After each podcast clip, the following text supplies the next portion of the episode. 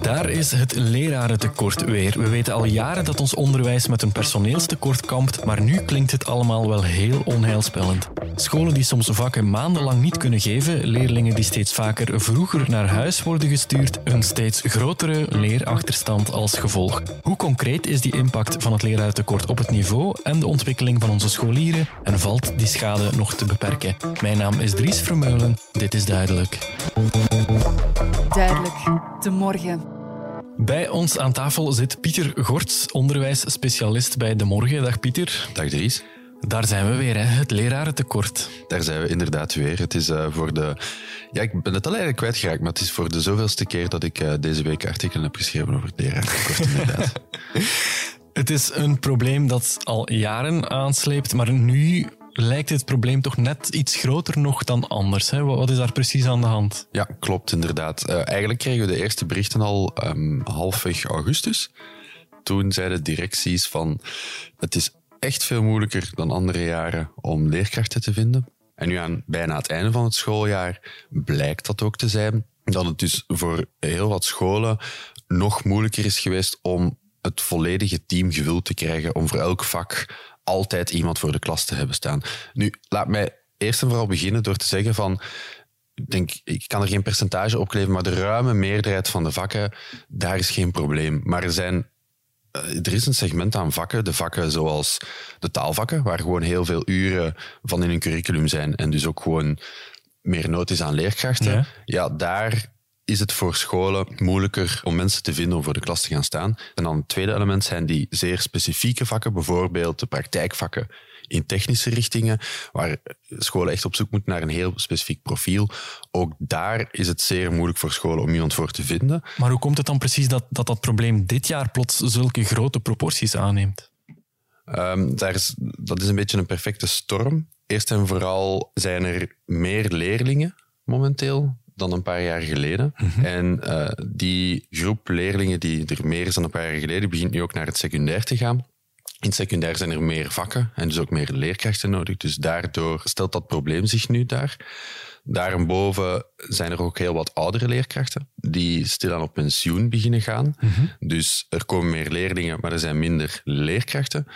En om uh, nog een element toe te voegen, er zijn niet genoeg mensen die aan een lerarenopleiding beginnen om dat kort aan uitstromende leerkrachten op te vangen.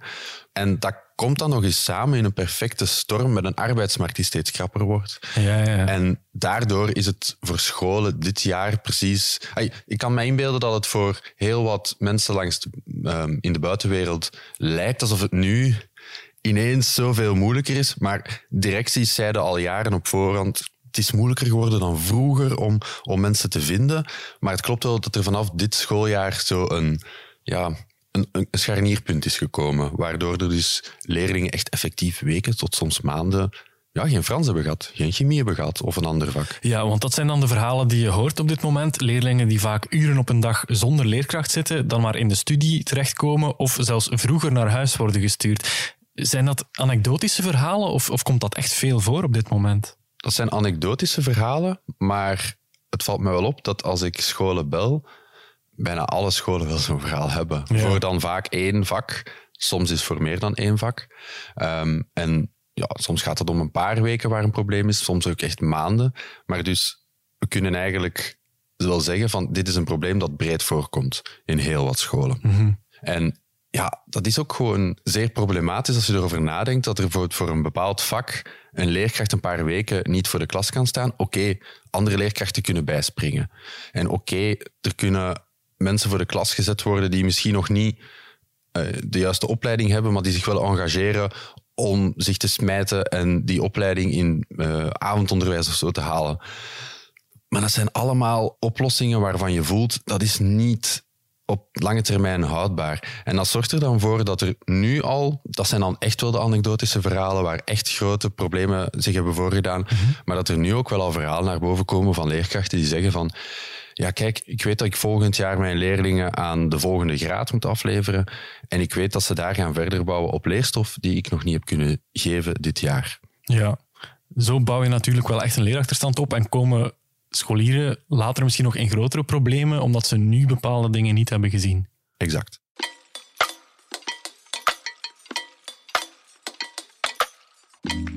Zowat alle middelbare scholen kampen dit jaar met dat lerarentekort en zijn vaak genoodzaakt met creatieve oplossingen te komen. Dat merkten we toen we op zoek gingen naar een school waar we even op bezoek mochten komen. We hebben tientallen scholen gebeld en kregen vaak hetzelfde antwoord. Ja, wij zouden een en ander kunnen vertellen over dat lerarentekort, maar we doen dat liever niet omdat hier bijvoorbeeld mensen voor de klas staan die daar helemaal niet voor zijn opgeleid.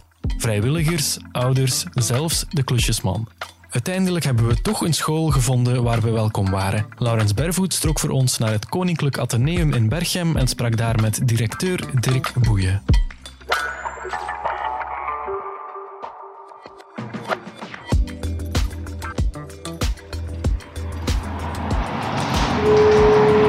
Hallo, goedemorgen. Lekker vroeg. Ja, ik kom altijd vroeg. En is dat omdat het zo druk is altijd, dat je dan nu rustig... Ja, ja, een paar uurtjes rustig te kunnen werken. Hè.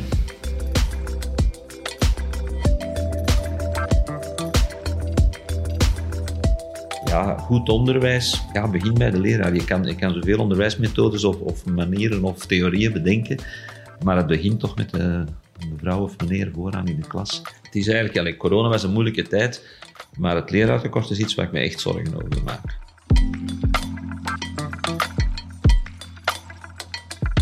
Vooral een, lastige zaak uh, voor korte vervangingen. Maar kort, maar de kort kan een aantal weken zijn. We proberen dat op te lossen met, ja, uiteraard de klassieke wegen, die vroeger altijd goed werkten. Dat was de VDAB-site, dat, dat werkte eigenlijk prima. Maar nu is het, uh, ja, het reservoir is leeg. We moeten ook mensen aannemen zonder het vereiste diploma en dergelijke, dus dat, dat is al zeker. Is het problematisch en vinden we voor een aantal vakken, maar ook voor vakken waar we vroeger geen problemen hadden, vinden we heel moeilijk leraren.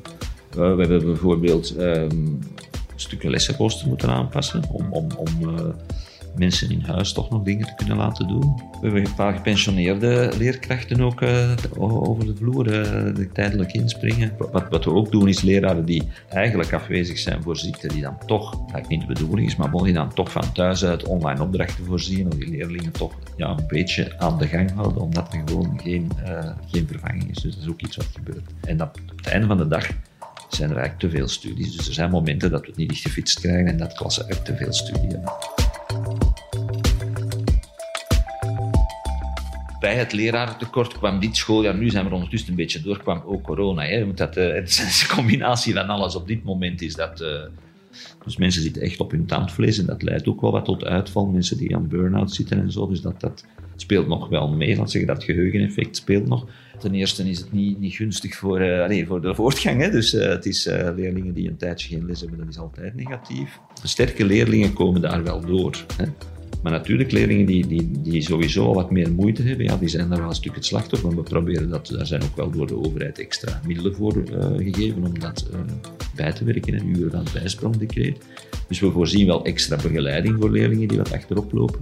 Dus wij zullen daar ook, ook hier op het einde van het jaar, ja, we moeten daar rekening mee houden. Je kan niet anders. Uh, um, de situatie is wat ze is. Ik hoop vooral dat we, dat we volgend jaar uh, ten eerste van die corona verlost zijn, maar nog eens, het lerarentekort zie ik niet direct uh, opgelost de komende jaren. Dus daar maak ik me wel zorgen Ik denk dat het gemiddeld opleidingsniveau in de bevolking naar boven gegaan is de laatste tientallen jaren waardoor het aanzien van het beroep van onderwijzer of, of leraar misschien al wat gedaald is. Eh, de nieuwe slogan die ik zag is lesgeven is alles geven. En dat vat het eigenlijk goed samen. Hè. Dus uh, als je een kantoorjob hebt, dan kan het intens zijn en het kan, het kan stressvol zijn. Maar je zit wel aan je, aan je pc of aan je bureau en je kunt eventueel eens vijf minuutjes achteroverleunen. Wie in de klas staat, dat is een beetje vergelijkbaar met een optreden uh, in een theater. Dus je, je staat elke minuut voor die klas met die, uh, met die pubers of adolescenten die je niet loslaten. En dus je kan je daar niet wegsteken.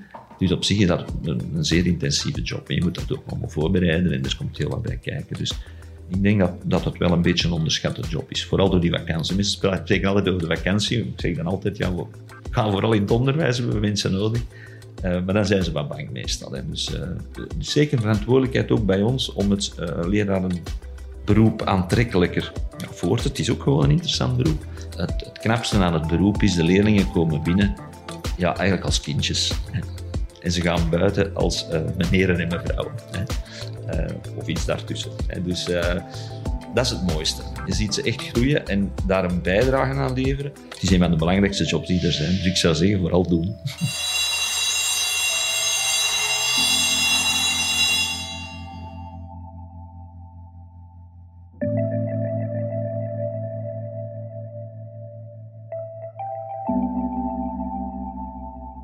Een warm pleidooi daar op het einde voor het beroep van leerkracht door Dirk Boeien, directeur van het Koninklijk Atheneum in Berchem.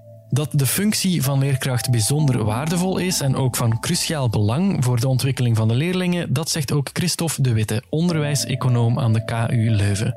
Omgekeerd is het dan natuurlijk ook zo dat elk uur dat leerlingen het zonder leerkracht moeten stellen onvermijdelijk een negatief effect heeft op het leerniveau.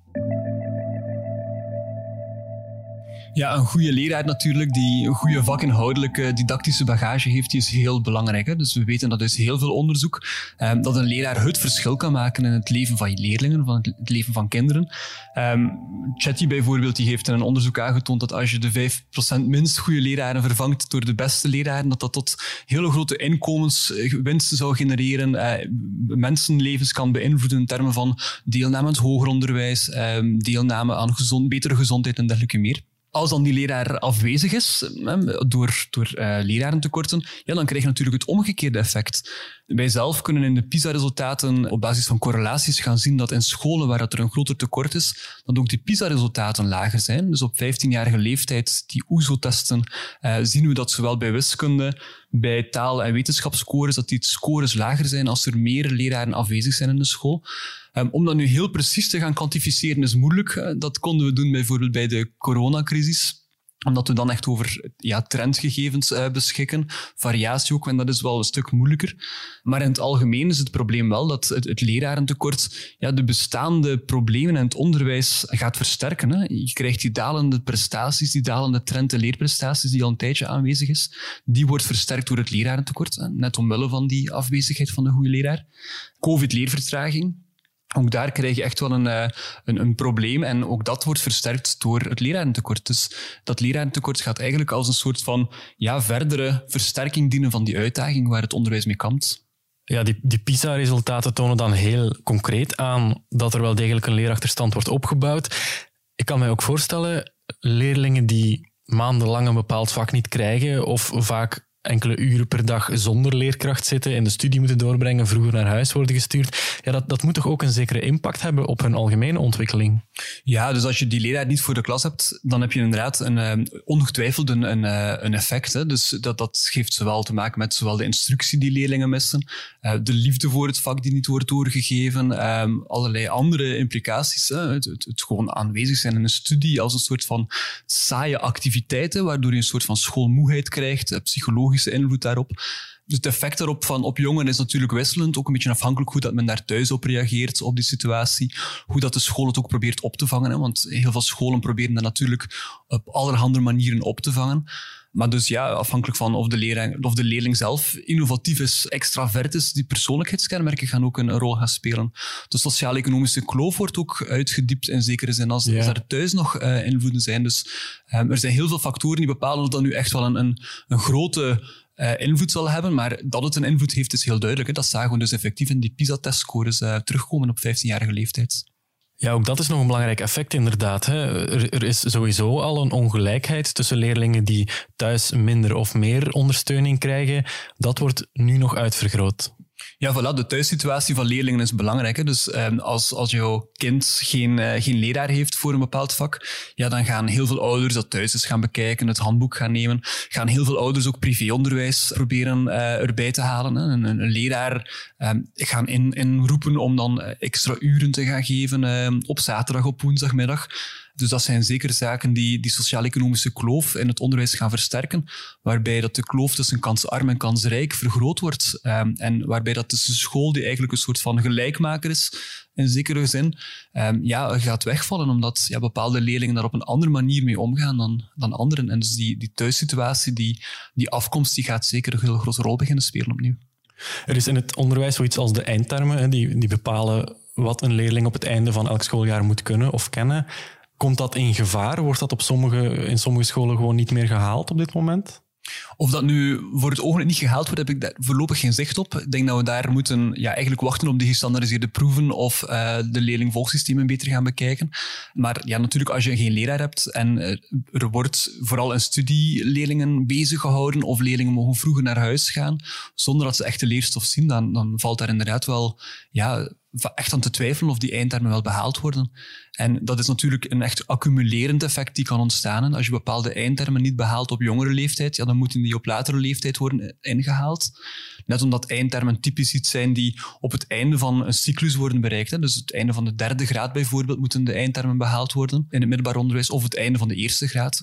En dus in die zin, ja, als ze dus een bepaald jaar minder bereikt worden, dan gaan scholen en leraren die gaan inzetten op andere jaren. Maar natuurlijk, instructietijd is beperkt, dus ja, je krijgt daar telkens problemen om dat dan effectief wel goed te gaan zien. En uh, ja, je krijgt een accumulerend effect daardoor. Hè. Dus als je een bepaalde leerstof niet gezien hebt in een eerder jaar, ja, dan is het moeilijk om daarop verder te bouwen. Een accumulerend effect dat, ook een, een, dat zich ook kan vertonen later wanneer die jongeren naar het hoger onderwijs gaan.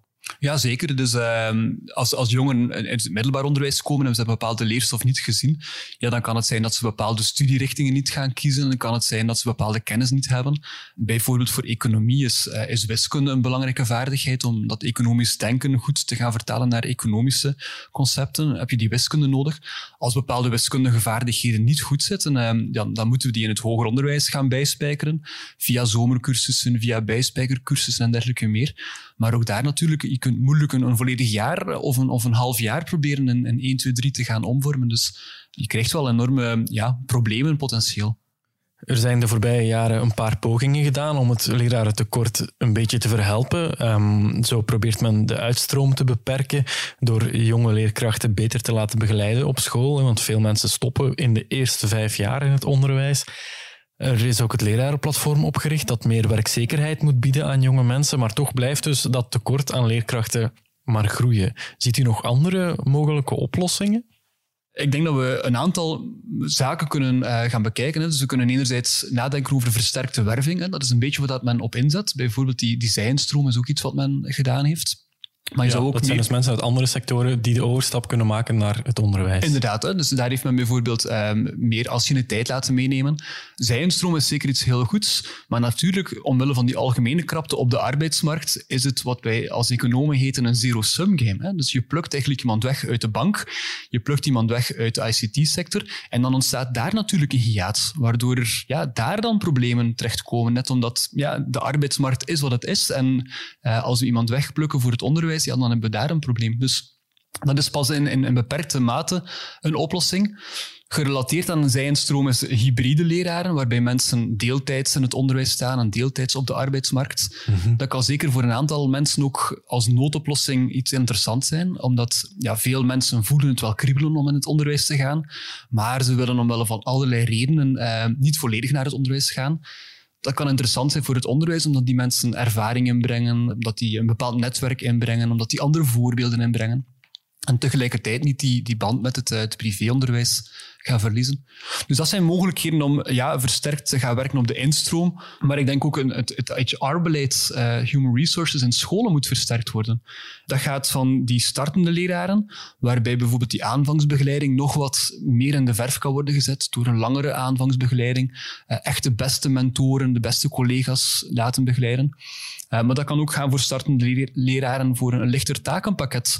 Of in een school niet voor de moeilijkste klassen gaan zetten. We zien nu heel vaak dat die, de, de startende leraren voor de moeilijkste klassen komen te staan, die het meest vergen van klasmanagement, die het meeste uitdaging hebben. En dat is natuurlijk heel nefast voor die carrière van leraren. Er valt ook wel wat frustratie te horen bij sommige ouders. Niet helemaal onbegrijpelijk natuurlijk. Mensen die zeggen: Mijn kind krijgt tegenwoordig meer geen les dan wel.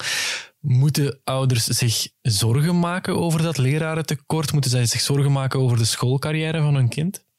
Ja, natuurlijk onderwijs is in zekere zin ook een relatief aspect. Dus als er heel veel mensen in dezelfde situatie zijn, ja, gaat dat eenmaal je, je cohort afstudeert, ga je concurreren, bij wijze van spreken, met andere mensen die op eenzelfde manier zijn. Dus in die zin is dat, is dat enerzijds temperend op die uh, prestaties. Ja. Anderzijds natuurlijk, ja, je mist bepaalde leerinhoud, je mist bepaalde eindtermen. Um, je krijgt ook andere perspectieven naar het hoger onderwijs toe.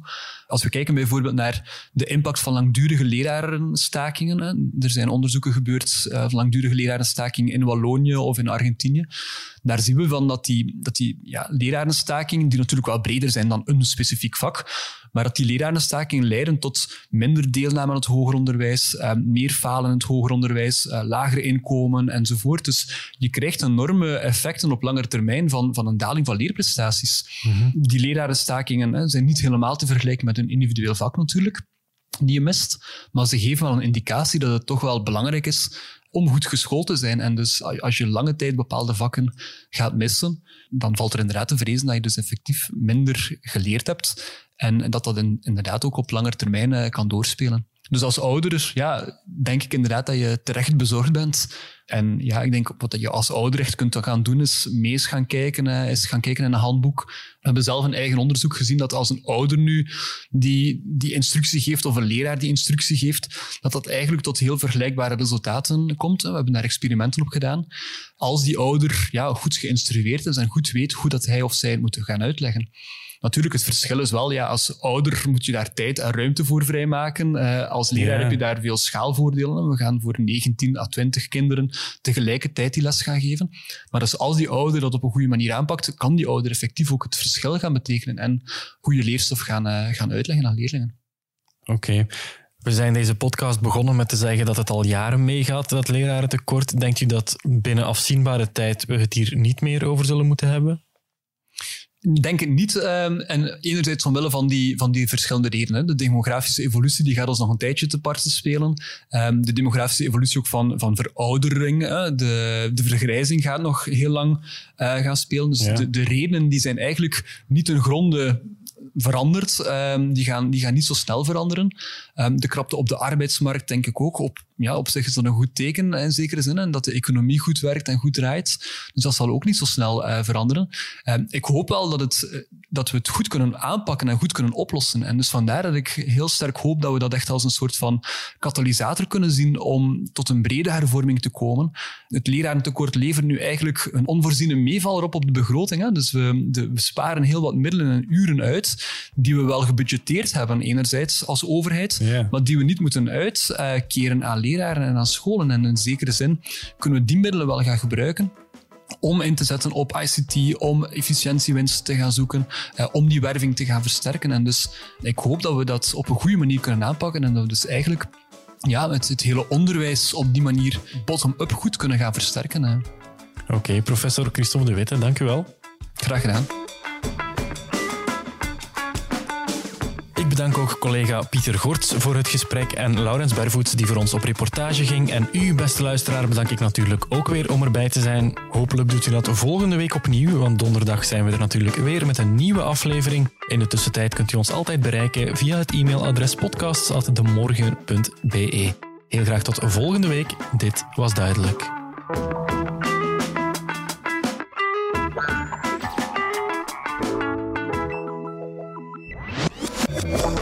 Duidelijk. De morgen.